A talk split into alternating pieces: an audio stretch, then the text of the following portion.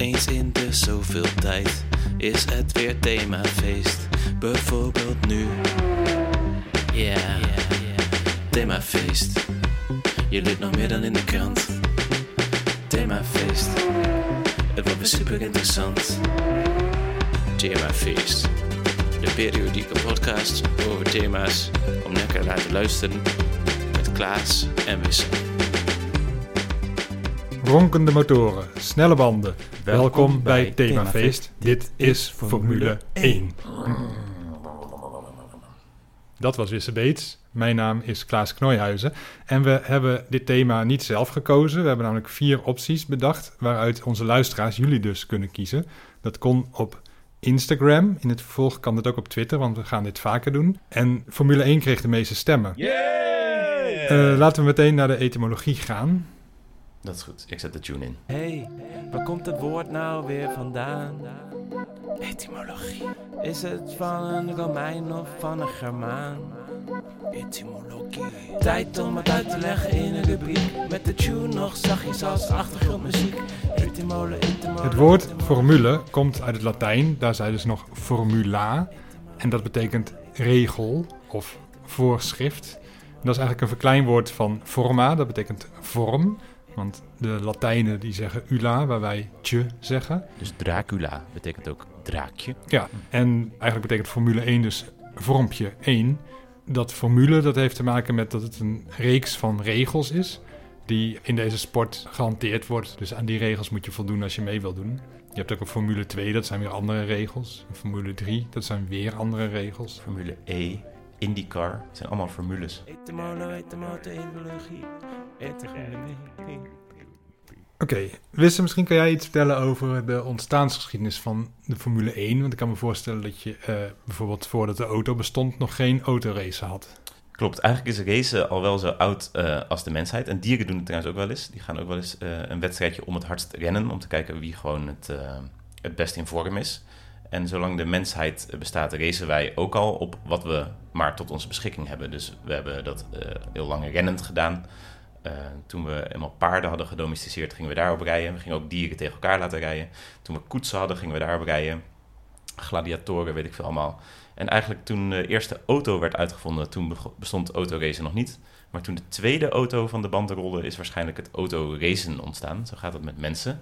Geef je, geef, neem maar twee en ze gaan het eh, tegen elkaar opnemen. Ja, dus autoracen is eigenlijk al zo oud als de tweede auto. Ja, En- dus dan hebben we het over eind 19e eeuw. ja, 1885 eh, rolde de tweede auto van de band. En toen eh, dachten ze van, nou, laten we eens kijken wie het hardst kan. En daar zijn heel veel vormen van ontstaan en heel veel regeltjes. Ehm, maar eigenlijk pas na de Tweede Wereldoorlog, toen is wat nu het Formule 1 heet ontstaan. En een drijfveer daarachter was dat de Tweede Wereldoorlog dus voorbij was. En dat er heel veel mensen waren die heel goed waren in raketten bouwen en straaljagers bouwen en bommen bouwen. Allerlei dingen waar je gigantische hoeveelheden brandstof moet omzetten in kracht. En toen die oorlog voorbij was, was dat opeens wat minder nodig. Dus heel veel van die mensen die hadden minder te doen. En het was ook nog zo dat die vliegvelden, waar al die straaljagers op stonden, ook eh, leeg stonden. En toen is dus, eh, zijn al die mensen aan de slag gegaan met mega snelle auto's bouwen. En die konden ze mooi over, dat, eh, over die vliegvelden laten scheuren.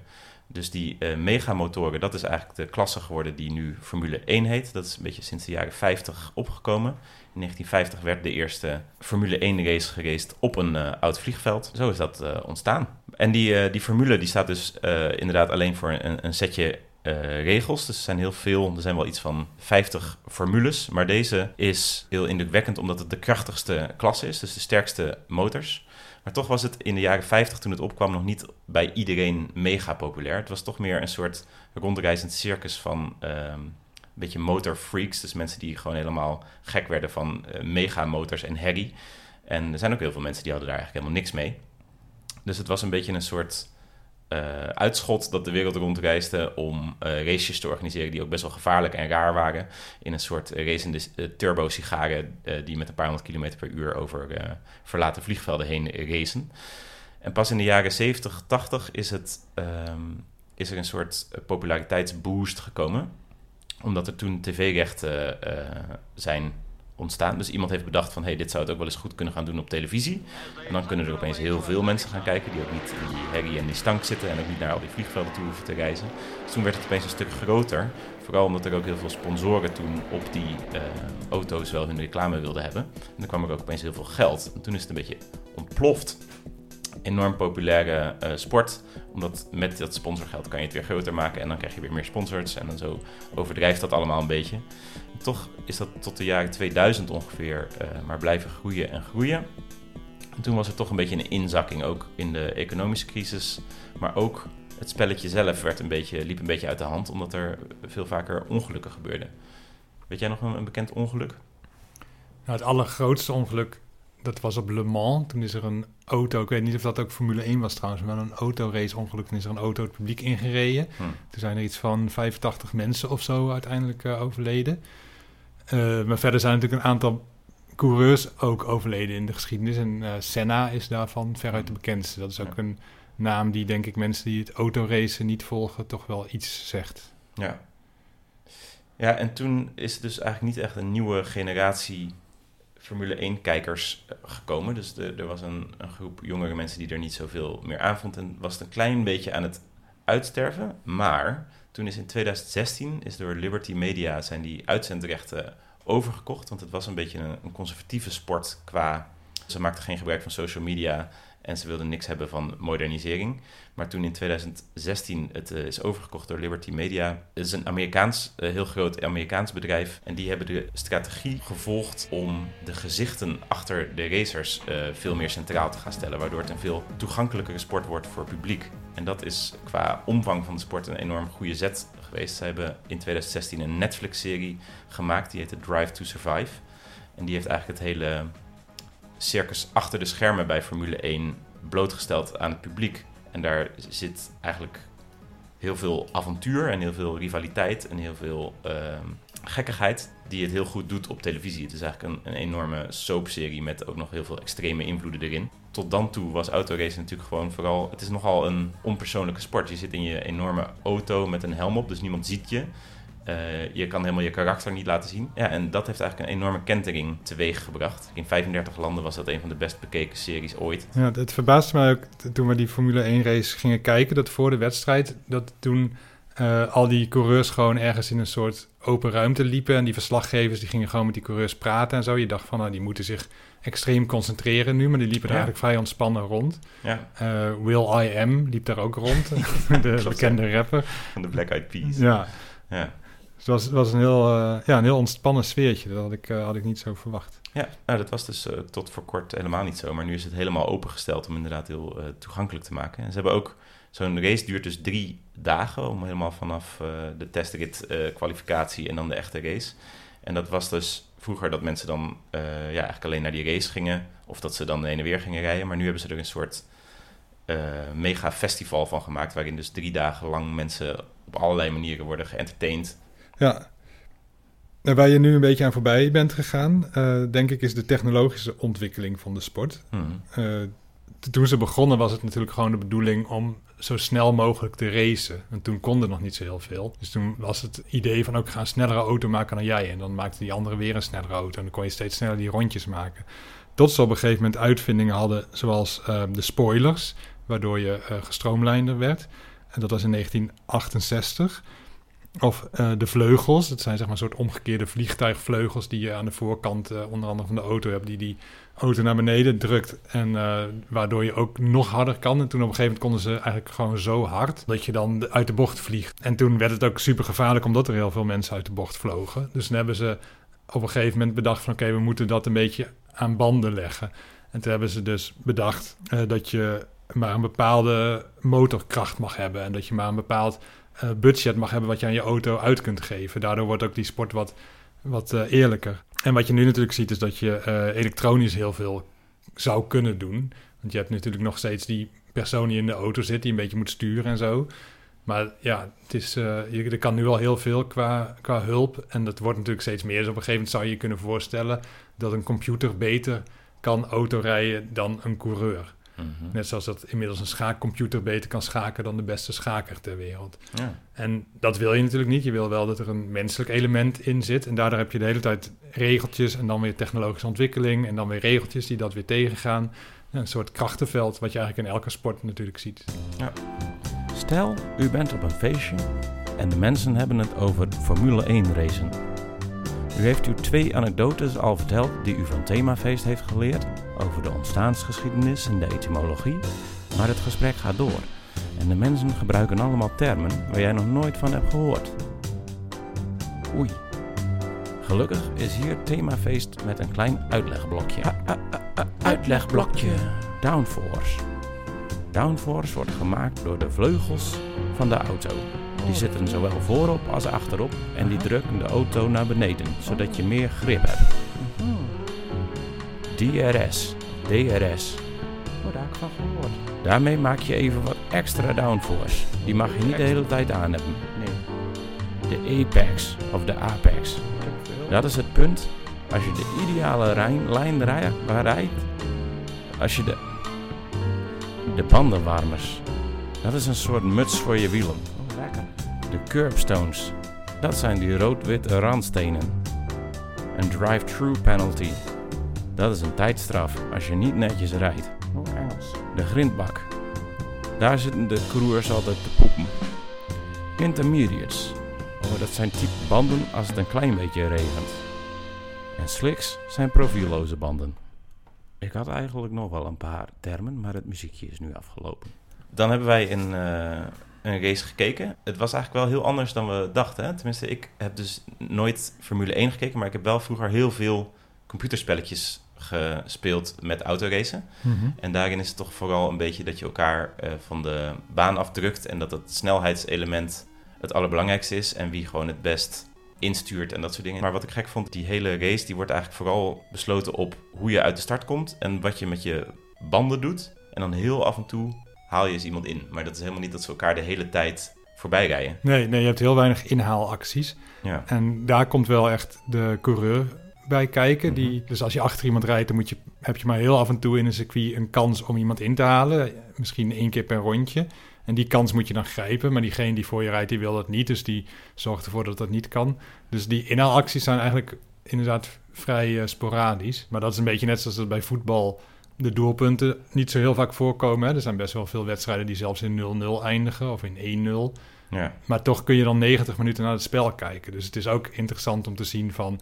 Oh, hij rijdt nu de vlak achter of hij heeft iets meer een groter gaatje... en dan gaat hij het halen en je ziet hem al misschien een half rondje van tevoren... of de coureur in staat zou kunnen zijn om die inhaalactie te maken. Ja. Dus dat, dat maakt denk ik het, eh, het interessant om er naar te kijken. Ja. Maar het viel mij op dat de commentatoren het eigenlijk de hele tijd over de banden hadden. Ja. Dat kwam ook omdat het geregend had, die race die wij keken. Dat was de race in Singapore. Nou, dan, dan start je dus met banden die goed zijn in de regen. Die hebben als voordeel dat ze meer grip hebben, waardoor je beter de bochten door kunt gaan. Maar ze zijn daardoor ook wat minder snel, omdat ze dus eh, meer grip hebben. Dus dan moet je als team bekijken van wanneer gaan we die banden wisselen. Dus als die baan droog wordt, bijvoorbeeld omdat de zon schijnt. Alleen dat was in Singapore niet het geval, want het was al avond. Ja. Of omdat er dus de hele tijd auto's rondjes over die baan rijden, waardoor die ook droger wordt. En dan moet je dus op een gegeven moment bedenken, oké, nu hebben we voordeel om die banden te wisselen naar eh droogweerbanden, omdat we dan sneller kunnen. Ja. Dan moet je precies dat juiste moment bepalen als team wanneer je dat gaat doen. Dan rijdt die auto de pitstraat in, dan gaan ze die banden wisselen, dat duurt echt één seconde of zo. Ja, dat is wel knap hoe ze dat doen. Dat is ook wel leuk aan die sport, dat het veel meer is dan alleen die coureur. Maar je hebt dus ook een heel team daarachter die en die auto ontwerpt. En dat is gewoon heel erg belangrijk. Dus welke auto je hebt. Ze hebben niet allemaal dezelfde auto, wel dezelfde autoregels. Maar hoe je hem afstelt en bouwt, dat is een heel belangrijk iets. Dus Max schijnt nu gewoon een van de beste auto's te hebben. Dat is natuurlijk heel fijn. Maar dan heb je ook nog dat team van hoe snel zij banden kunnen wisselen. En zij geven ook de adviezen. Zij halen je op een gegeven moment binnen van we gaan nu dit doen. En daar heb je als coureur eigenlijk niet echt invloed op. Dat kies je volgens mij niet zelf als coureur, maar dat kiest je team. En daardoor is het wel echt een beetje een, een eh, teamsport. En die banden, eh, dat zijn dus niet dat je die zelf mag kiezen. Er is één leverancier van die banden en die wisselt af en toe. Dat is nu dus dat Pirelli-merk.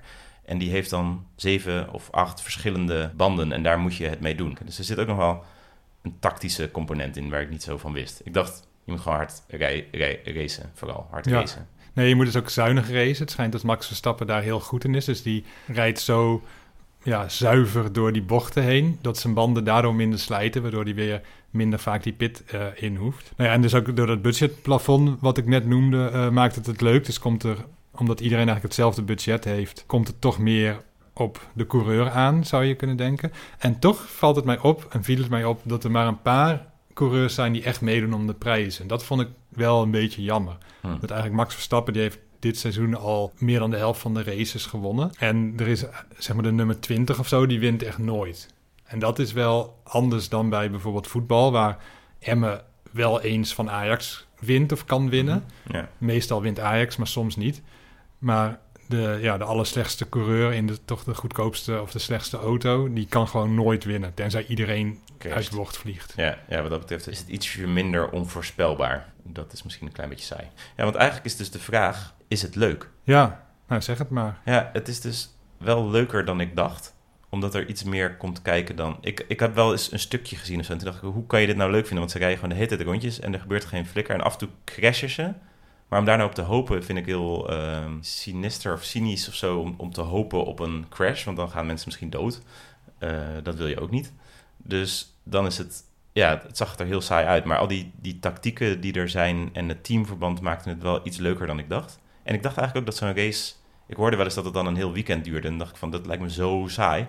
Maar dat ze echt op de baan zijn is maar een uur of twee.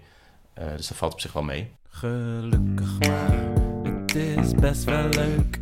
Niet super leuk, maar toch wel best wel leuk. Een beetje als Schule. Wing. Schule. Moet je ook niet te Laten we nu maar doorgaan naar de brievenrubriek. Die is ook altijd heel erg leuk.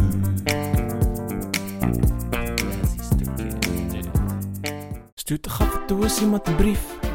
Die gleuvende deur van je beste vriend, die zit daar niet voor niks. Dit is de brievenrubriek, brievenrubriek. Stuur toch af en toe eens iemand een brief. Die gleuvende deur van je beste vriend, die zit daar niet voor niets. Dit is de brievenrubriek, brievenrubriek, jawel. Ja, zoals jullie allemaal weten, neem ik aan, hadden we dus themafeest zomertour. Weet jij het nog? Ja, ik weet het nog goed. Het was een heel gedoe. We moesten naar plekken toe. Maar dat was wel heel leuk. Ja, welke plekken zijn we zo al geweest? Eh, nou, we zijn natuurlijk in Woerden geweest en daarna in Banningsveen. Ja, precies. Wel een hele lange tour bedacht, maar door allerlei omstandigheden zijn we eigenlijk maar op twee plekken geweest. Eh, wellicht dat we volgende zomer naar andere plekken gaan. Dus weet je nog een leuke plek? Laat het ons weten. Het liefst voorkomende zomer. Ehm, nou, bij de themafeest Zomertour hoort het element dat we een brief sturen aan de burgemeester van de bezochte plaats of gemeente. En dat hebben we dus ook gedaan toen we naar Waddingsveen gingen. Toen kregen we een brief terug van de burgemeester. Ja, Die ga ik nu voordragen. Beste Wisse en Klaas, dank voor jullie mooie beoordeling van Waddingsveen.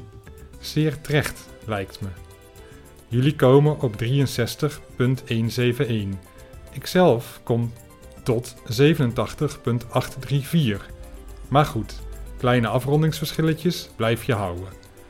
Wellicht heeft het te maken met een lichte onderwaardering van de Marcus stroopwafels. En ik heb ook het vermoeden dat jullie vergeten zijn de stroopwafelkruimels te proeven. Dat zou de score ongetwijfeld positief hebben beïnvloed. Wel nu. Samenvattend kan worden gezegd dat wij de liefde voor Waddingsveen delen. Het is een prachtig dorp. Eén hefbrug is echter genoeg. Een vierde station of nog wat nelganzen extra vind ik nog wel een optie. Dank voor jullie bijdrage. Met vriendelijke groet, Evert Jan Nieuwenhuis, burgemeester. echt een hele sympathieke brief, vind ik het. Ik vind het een prachtige brief. Ik vond vooral het woord wel nu erg goed geplaatst. Ja. En ja, ik vond het sowieso een eer dat we een brief hebben gekregen van een burgemeester. Ja. Tot nu toe kregen we altijd brieven van ja, mensen met toch eh, andere beroepen. Mhm. Of zelfs eh, geen beroep, werkloze mensen hebben we ook veel gekregen. Ja, of ze mee mochten werken. Ja, sollicitatiebrieven heel veel. Ja. Maar van de burgemeester, jongen. ja, daar kijk je naar op en daar kijk je naar uit. En het was een hele mooie brief. En hij zou misschien gelijk kunnen hebben dat we een afrondingsfout hebben gemaakt. Het is ook allemaal, het zijn getallen in de marge. Ik vind dat we nu niet te veel aandacht aan hoeven te besteden. Nee, vind ik ook. Eh, het was een mooi dorp, dat is de conclusie. En ik vond het ook heel leuk dat hij met onze suggesties, want dat is eigenlijk het doel van die brief. Hè. We doen een aantal suggesties om eh, zo'n stad nog wat hoger eh, te krijgen, of dorp moet ik zeggen. We hadden gezegd van nou die hefbrug is een succes, doe er nog één. Dat vindt hij overdreven, dan is hij niet meer uniek. Maar de, de stations en de Nijlgansen, daar hadden ze natuurlijk al heel veel van. Dus dat uniekheid daarvan is niet het hoofdaantrekkingskracht daarvan. Nee. En daarvan zegt hij dan van nou, da- daar gaan we naar kijken. Dus ik vind het ook leuk dat wij eigenlijk invloed hebben over, op hoe zo'n dorp eruit komt te zien in de Ja. toekomst. Ja, dus als je binnenkort in Waddingsveen komt en het valt je op dat er meer Nelganzen of meer stations zijn gekomen, dan komt dat eh, waarschijnlijk eh, onder andere door ons. Ik eh, wil de burgemeester heel erg bedanken. Hierbij. Ja. Wel nu. Wel nu. Terug naar de Formule 1. Is, eh, is het een sport? Ze noemen het namelijk autosport, maar je kunt je afvragen of het wel echt een sport is. Ja, in eerste instantie eh, waren wij daar een beetje sceptisch over. Het is Ja. gewoon een- best moeilijk eigenlijk wat de definitie van een sport is. Ja, nou daarvoor hebben we gelukkig eh, de Dikke van Dalen. Ja, Eh, kom er maar in. ja, Dick. nou Dick die zegt, sporten dat is in eerste instantie, of een sport, de treden van een ladder. Ja, Nou, daar hebben we niks aan. nee. Dus dan heb ik verder gelezen en toen stond er allerlei lichamelijke oefeningen en ontspanning, waarbij vaardigheid, kracht en inzicht vereist worden. En dan staat er nog bij, iets met ambitie doen, prestaties nastreven. Ja, Nou, dat is een definitie waar we wel iets mee kunnen, maar er is Mhm. natuurlijk best veel grijs gebied. Want bijvoorbeeld als je een marathon gaat lopen, dan zijn we het er denk ik allemaal, of in ieder geval wij tweeën, wel over eens dat dat een sport is. ja dat eh, dat doe je niet een soort koersport. Ja, precies. Ja. Maar als je eh, rent om de trein te halen, een Hmm. klein sprintje, dan Ja. is dat in mijn ogen geen sport. Nee, en dat treinrijden zelf vind ik ook niet. Ook al dat kan een sprinter zijn, maar dat is te passief wat mij betreft. Ja, zeker. Maar als je dan weer de machinist bent, Hm. dan eh, doe je toch wel iets meer dan een passagier over het algemeen. Ja, Maar goed, zo'n autosport, dat, of autorijden, dat is natuurlijk ook eh, misschien op diezelfde manier te bekijken. Want als jij met jouw autootje naar Amersfoort rijdt, of Mhm. naar Waddingsveen voor mijn part, al zal ik met de trein gaan dan, want ze hebben er heel veel stations, Mhm. dan is dat geen sport. Dan rij je gewoon Nee. in een auto. ja.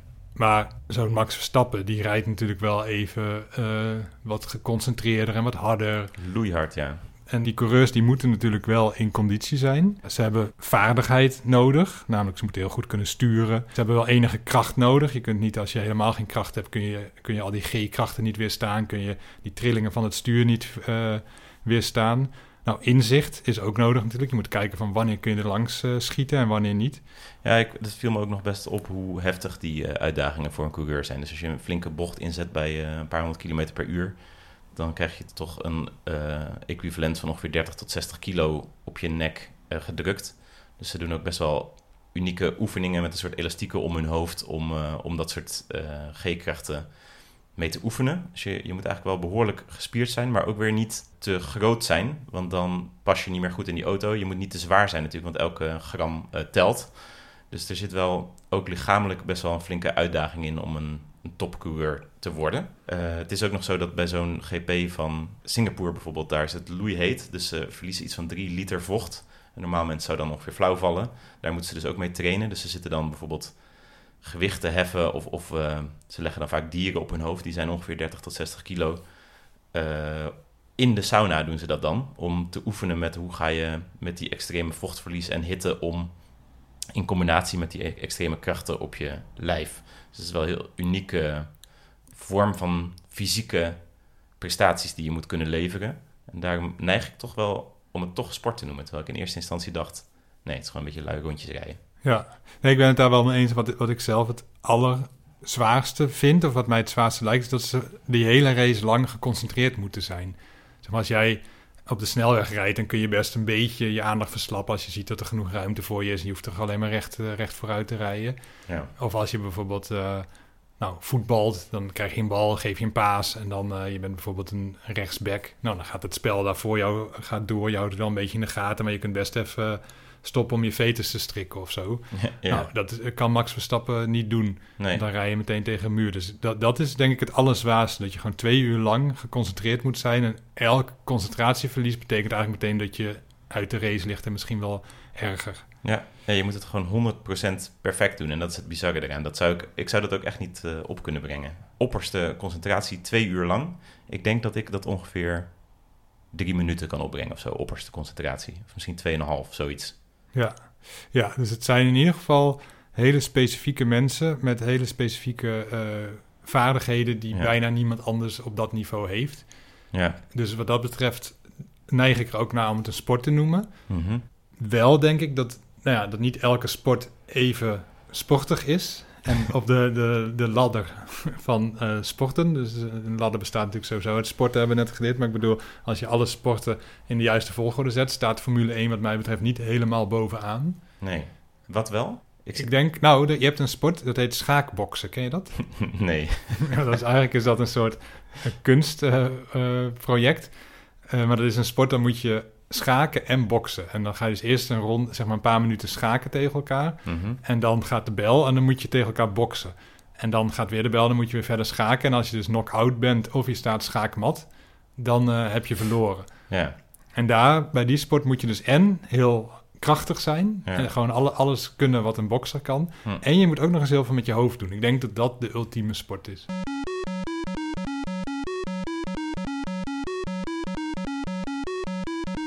Vind jij dat er al genoeg gelachen is, deze aflevering? Nee, ik vind het eigenlijk iets te serieus zijn Ja, zelfs. ik had het ook. Vooral het eerste stuk. Ja. Het wordt nu langzaam beter. Maar misschien eh, moeten we even de mop erin gooien. Natuurlijk, natuurlijk, natuurlijk, natuurlijk. Themafeest is informatief op de eerste plaats. Maar er moet ook gelachen worden. Bijvoorbeeld aan de hand van een mop. Een mop over het thema. Voor deze mop ben ik weer gesurfd naar leukste-moppen.nl. En als je Formule 1 intypt, is er één mop. Dus ik dacht, die ga ik voorlezen. Komt-ie. Formule 1. Een dom blondje doet mee met de Formule 1 races. Ze is 72 keer gestopt. Eén keer om te tanken, één keer om de banden te verwisselen en 70 keer om de weg te vragen. Ja, je hoort al aan mijn reactie of het uitblijven daarvan dat ik het niet zo'n leuke mop vind. Los van dat ik hem sowieso niet zo heel grappig vind, is het natuurlijk ook een erg seksistische mop. Ja. Het is helemaal niet grappig, het staat ook nergens op. Maar het is wel een leuk bruggetje naar eh, de vrouwen in de Formule 1. Mhm. Want Formule 1 is een gemengde sport. Wat dat betreft is het mogelijk dat er inderdaad een vrouw aan Formule 1 racen meedoet. Maar dat is in de geschiedenis van de sport nog bijna nooit gebeurd. Er zeg maar een handjevol vrouwen dat ooit in zo'n auto heeft gereden. En daarnaast had je natuurlijk heel lang dat je die pitspoezen had. En dat, dat was natuurlijk helemaal erg. Dat die vrouwen er waren alleen maar om mooi te zijn. En die mannen die waren dan om heel hard te rijden en, eh, en om aan die auto's te sleutelen. Dus die deden het belangrijke werk. Eh nou ja, wat jij net vertelde over die toenemende populariteit van de sport, dat heeft er ook toe geleid dat er steeds meer vrouwen naar die sport gaan kijken. En toen die laatste Formule 1 in eh, Zandvoort was, toen kwamen er ook heel veel verhalen naar buiten van vrouwen die lastig gevallen werden. Eh, dus ja, het is niet een heel vrouwvriendelijke sport vooralsnog. Nee, het eh, lijkt een beetje zo te zijn dat er een, een soort groep was die dit altijd keek. En dat waren gewoon bierdrinkende mannen die van harde motorgeluiden hielden. En dat is een beetje een zichzelf in stand houdend wereldje geworden die eh, andere mensen niet toeliet. Maar nu met die populariteitsboost zie je dat die mensen het blijkbaar heel moeilijk vinden om om te gaan met die eh, nieuwe bezoekers. Zij zijn gewend dat er alleen vrouwen zijn die pitspoezen zijn. Dat je van een veilige afstand kan roepen dat het lekkere wijven zijn. En als er opeens eh, vrouwen tussen hun instaan, dan eh, kunnen ze daar moeilijk mee omgaan en doen ze allemaal domme dingen. Ehm, ik heb wel goed nieuws dat ook deze grap op best of leukste moppen.nl. eh, daar is 38 keer, 38 keer gestemd eh, om een cijfer te geven tussen de 1 en de 10. En hij heeft eh, een 2. Oh, kijk. Dus het is ook binnen de moppen-community wordt dit niet meer als grappig ervaren.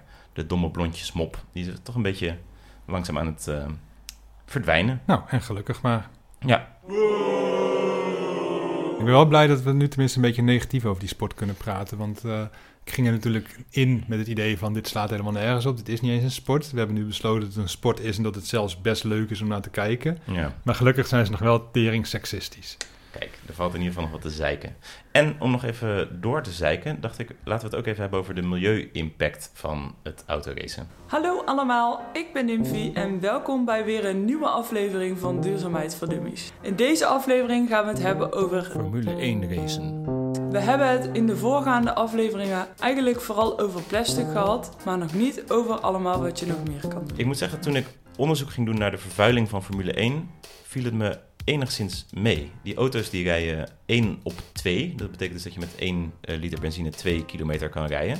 Dat is natuurlijk niet zuinig. eh verre van. Eh, een beetje benzineauto die rijdt 1 op 18 of zo, of 1 op 20. Dus dat is 10 keer zo vervuilend. Maar ik had eigenlijk verwacht, zulke megamachines die zijn nog veel inefficiënter. Maar er is natuurlijk juist een soort innovatieslag op dat asfalt gaande over efficiëntie. Want ze, hebben, ze moeten zo min mogelijk gewicht hebben en zo hard mogelijk rijden. Dus eh, er is eigenlijk een soort drive om die auto's zo zuinig mogelijk te maken. Dan is het ook zo dat die auto's een gigantisch eh, rendement halen. Dus ten opzichte van jouw eigen auto, hoeveel pk's zij weten te halen uit 1 liter brandstof is vele, vele malen hoger dan een eh, gewoon autootje. Dus die efficiency qua brandstof valt op zich nog wel mee. Als je het vergelijkt, het hele seizoen Formule 1 rijden, dus eh, op al die verschillende banen overal ter wereld, en alle auto's, als je die brandstof bij elkaar zou gooien, dat is ongeveer evenveel brandstof als die een Boeing gebruikt om van Amsterdam naar eh, Los Angeles te vliegen. Oh. Ja, dus één vliegtuig is ongeveer even vervuilend als al die auto's de hele tijd op het circuit. Ja, dat valt wel heel erg mee. Ja, het enige is natuurlijk dat die races, die zijn overal over de hele wereld. Eh, en die fans die gaan daar altijd heen, die vinden het een mooie gelegenheid om eh, een tripje te maken.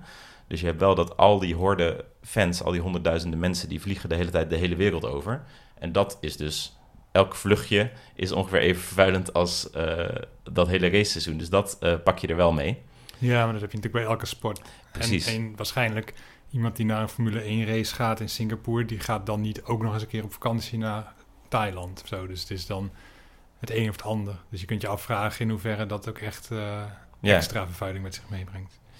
Ja, precies. En inderdaad hoe eh, uniek het in de, in de sport is. Want eh, als je bijvoorbeeld naar een klimaatconferentie in Chili gaat, dan vlieg je daar ook heen. En dan is dat net zo slecht als dat je naar een race gaat. Behalve dat je doel misschien wat nuttiger is. En dat is natuurlijk wel een tweede ding. Hè? Het is meer de, het, het wat je uitstraalt. Dat, dat auto's en verbrandingsmotors en veel herrie, dat dat cool is. En daar zou je natuurlijk wel een punt van kunnen maken van... is dat nou wat je wil promoten Ja, als sportwereld? ja, ze hebben natuurlijk ook een aantal sponsoren. Je hebt volgens mij het Saoedische staatsoliebedrijf, wat nou niet echt eh, schone vingers heeft. Ja. Eh, dat is een van de hoofdsponsoren. Dus die, ja, die, die krijgen hierdoor een beter imago. Ja. Nu zijn oliebedrijven sowieso geneigd om, eh, om sportevenementen te sponsoren. De sportswassing heet dat dan, om een beter Hm. imago te krijgen. Dus je hebt bijvoorbeeld Total Energies dat, eh, en Gazprom, eh, die sponsoren wielerploegen. Ja. Eh, Gazprom was ook lange tijd volgens mij de hoofdsponsor van, de, van het voetbalgebeuren, weet dat, Champions League. Champions League, ja, ja, inderdaad. Ja, nu sinds de invasie zijn ze dan niet meer welkom als sponsor. Maar tot die tijd, eigenlijk ook na die annexatie van de Krim en zo, was het best wel bizar dat zo'n Russisch staatsbedrijf gewoon op al die shirts en op de reclameborden en tussen de doelpunten in eh, mocht pronken met hun logo. Ja, maar goed, dat is dus eh, meer sport-eigen dan Formule 1-eigen. Ja, het is eigenlijk gewoon waar heel veel geld zit, gaan dat soort eh, dingen op zitten. En, Ja. ja. Dus daar zou iets aan moeten gebeuren. En wat in mijn beleving goed zou zijn, je hebt ook namelijk de Formule E, of Formule I. mhm. Eh, dat is elektrisch rijden. En als ik het voor het zou zeggen zou hebben in de wereld, dan zou ik zeggen, we doen dat Formule 1 doen we gewoon weg. Hm. En Formule E gaan we dan het belangrijkste maken. Dus dat gaan we lekker uitzenden. Op zich een prima idee. Dank je. Ja, nou Ja. zo hebben we ook voor de Formule 1, ik weet niet naar wie we de brief kunnen sturen. De burgemeester van de Formule 1. Maar eh, als jullie het e-mailadres hebben van de burgemeester van de Formule 1, eh, dan horen we dat graag. Dan kunnen we die ook een brief sturen. En wie weet eh, verandert dat dan ook nog ten goede. Ja. Themafeest voor een betere wereld. Juist nu. Als je enthousiast bent geworden over verduurzamen, wil je daar misschien wel over vertellen? Praat erover met familie, vrienden, buren. Door het woord te verspreiden help je ook mee. Wat heeft effectief verduurzamen eigenlijk voor ons allemaal gebracht? Nou, eigenlijk een hele hoop voordelen. We zijn vaker op de fiets gegaan, waardoor we geld besparen. We kopen groenten en fruit. Groente en fruit inderdaad heerlijk en gezond. En wij gaan door naar het verhaal van Klaas. Verhaal van Klaas, een verhaal van Klaas, een verhaal van Klaas, een verhaal van Klaas, een verhaal van Klaas, een verhaal van Klaas, een verhaal van Klaas, een verhaal van Klaas, een verhaal van Klaas, een verhaal van Klaas, een verhaal van Klaas, een verhaal van Klaas, een verhaal van Klaas, een verhaal van Klaas, een verhaal van Klaas, een verhaal van Klaas, een verhaal van Klaas. Snackbarhouder Bert kon zijn ogen niet geloven toen hij zag wie daar zijn snackbar binnenkwam. Eén patat met AUB, zei Max Verstappen. Natu- natuurlijk, meneer, stamelde snackbarhouder Bert. Hij draaide zich om en wierp een extra grote schep frieten in het vet. Max Verstappen pakte de Donald Duck uit de leesmap en ging op een kruk zitten. Je was geweldig in Japan, zoals je die PRS inhaalde. Vroom, vroom, haha, zei snackbarhouder Bert. Bedankt, zei Max Verstappen. Is die PRS nou een toffe PRS? vroeg snackbarhouder Bert. Ja hoor, zei Max Verstappen. Het stak snackbarhouder Bert dat Max Verstappen niet moest lachen. Zou hij niet van woordgrappen houden of zo? Misschien wil je iets drinken bij je patat, vroeg snackbehouder Bert. Een Red Bulletje of zo. Nee hoor, dank je, zei Max Verstappen. Iets anders dan? Rondje van de zaak. Max Verstappen schudde zijn hoofd. Rondje van de zaak, zei snackbehouder Bert. Rondje, omdat je altijd rondjes rijdt. Ja, ja, zei Max Verstappen.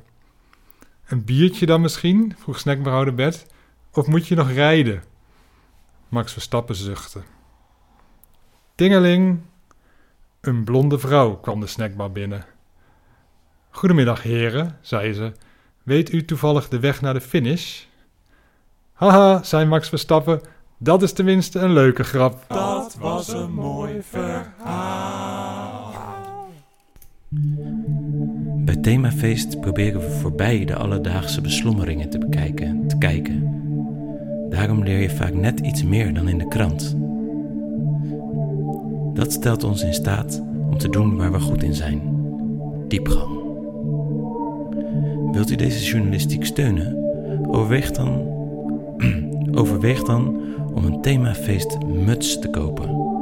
Het houdt je hoofd warm en het staat je goed.